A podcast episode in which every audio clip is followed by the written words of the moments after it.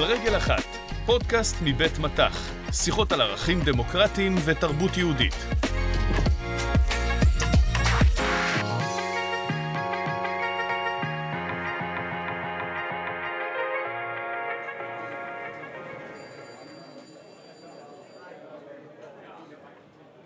אלה, מה זאת ההודעה ששלחת לי? שום מרפא כאבי בטן, אם תעבירו לעוד עשרה אנשים, תזכו החודש להצלחה. אל תגידי לי שבאמת העברת אותה. לא, נו, נועה, כאילו, כן, אבל בצחוק. זה לא שאני מאמינה בדברים האלה.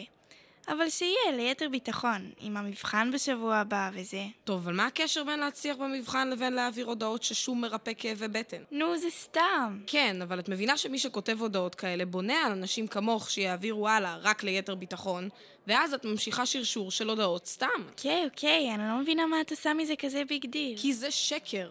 ואז את תאמיני שהצלחת בבחינה בגלל שהעברת את ההודעה הזאת לעשרה אנשים, ולא בגלל שלמדת ואת יודעת.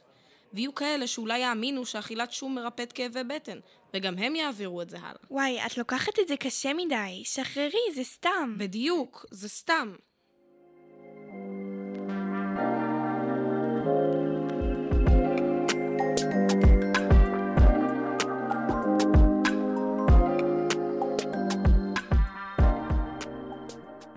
לא יודעת, אולי אני מגזימה. איריס, גם את חושבת שאין טעם להעביר הודעות סתמיות לחברים? תלוי בתוכן של ההודעות, אבל את בטח מתכוונת להודעות שנשמעות כמו פייק ניוז. כן, כמו זאת שאני קיבלתי. כתוב בה ששום מרפא כאבי בטן, ואם מעבירים לעוד עשרה אנשים זוכים להצלחה כל החודש. כן, נשמע דומה לפייק ניוז, או בעברית, חדשות כזב. השימוש במילים האלה הפך להיות נפוץ בכל כך הרבה מקרים, שכדאי אולי לעשות הבחנה בין שני סוגים עיקריים של חדשות כזב. הסוג הראשון הוא מידע מטעה, ומפיצים אותו כדי להטעות את הציבור בכוונה, ולגרום לו לחשוב משהו שאינו נכון. הסוג השני הוא מידע מוטעה, כלומר מידע לא נכון שמתגלגל בין אנשים, לפעמים בלי כוונה להטעות, כמו המידע שאת קיבלת אלה. כן, אבל יש הבדל בין להעביר הודעות שקריות לגמרי, נגיד על משהו לא אמיתי שקרה בחדשות, לסתם להעביר הודעות בשביל הצחוקים, אפילו אם הן לא נכונות. או סתם כדי לגרום לילדים להעביר הלאה. בהחלט, יש הבדל בין ההודעות. המושג חדשות כזב או פייק ניוז נהיה כבר כל כך פופולרי, שלפעמים משתמשים בו גם כדי לתאר שמועות או שקרים מתגלגלים, כמו ההודעה שאת קיבלת אלה.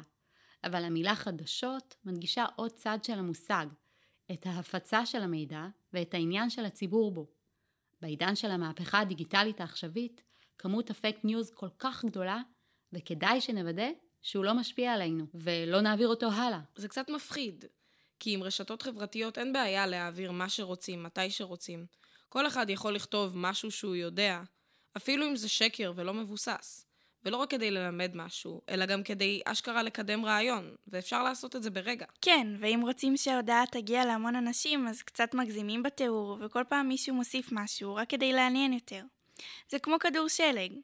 כאילו, אני מבינה שגם אני שיתפתי פעולה עם זה, אבל למה בכלל שמישהו ירצה להתחיל דבר כזה? שאלה טובה. אנשים מפיצים פייק ניוז מכל מיני סיבות, אבל על רגל אחת אפשר לומר שיש שתי סיבות עיקריות.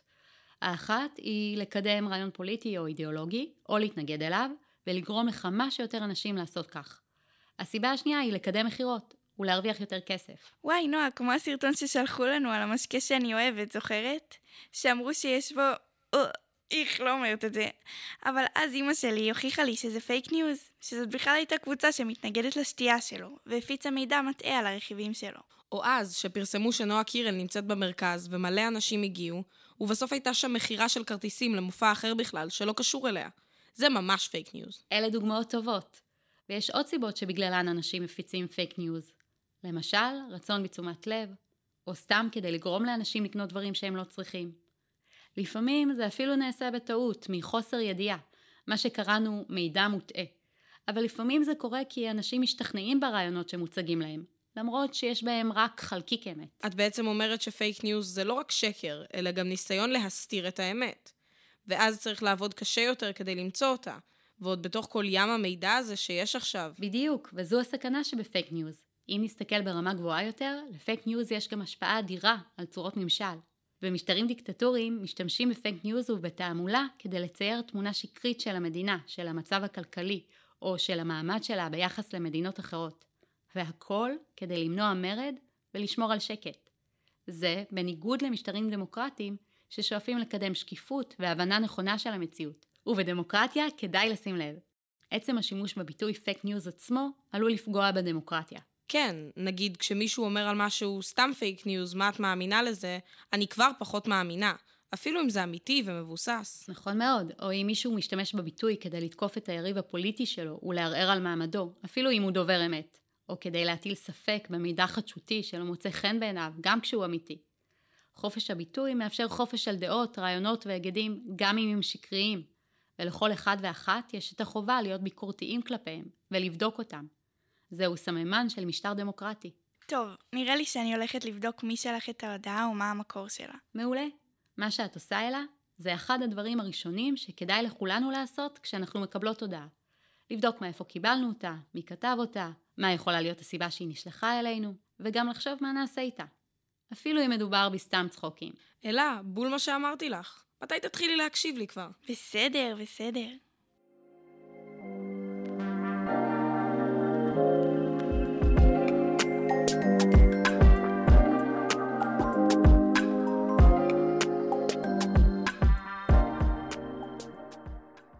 נראה לי שסוף סוף הגענו לנושא שלאיריס אין עליו מקורות יהודיים או פילוסופיים. וואי, לגמרי. או, נהדר שאת מעלה את זה. כי בדיוק התכוונתי לספר לכן.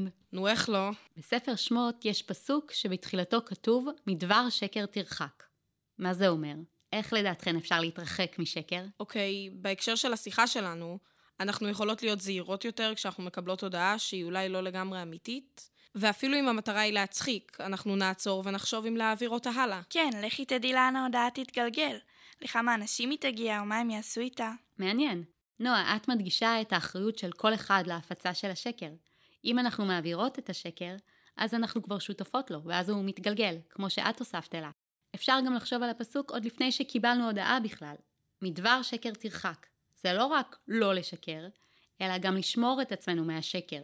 לוודא שאנחנו צורכות מידע ממקורות מהימנים, ואפילו לבחור חברים וחברות שדבקים באמת.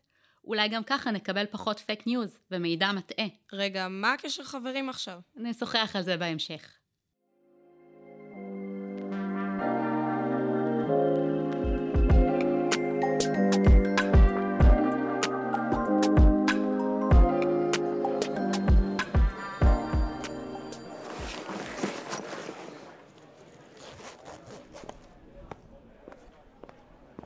אולי התכוונה לומר שיש שקרים שהם לבנים, וזה בסדר בין חברים? אולי, אבל לי את אומרת רק את האמת. כן, אבל מה אם האמת פוגעת? אל תסתכלי עליי ככה. עכשיו אני יודעת בדיוק מה לעשות עם הודעות כאלה. חסר לך.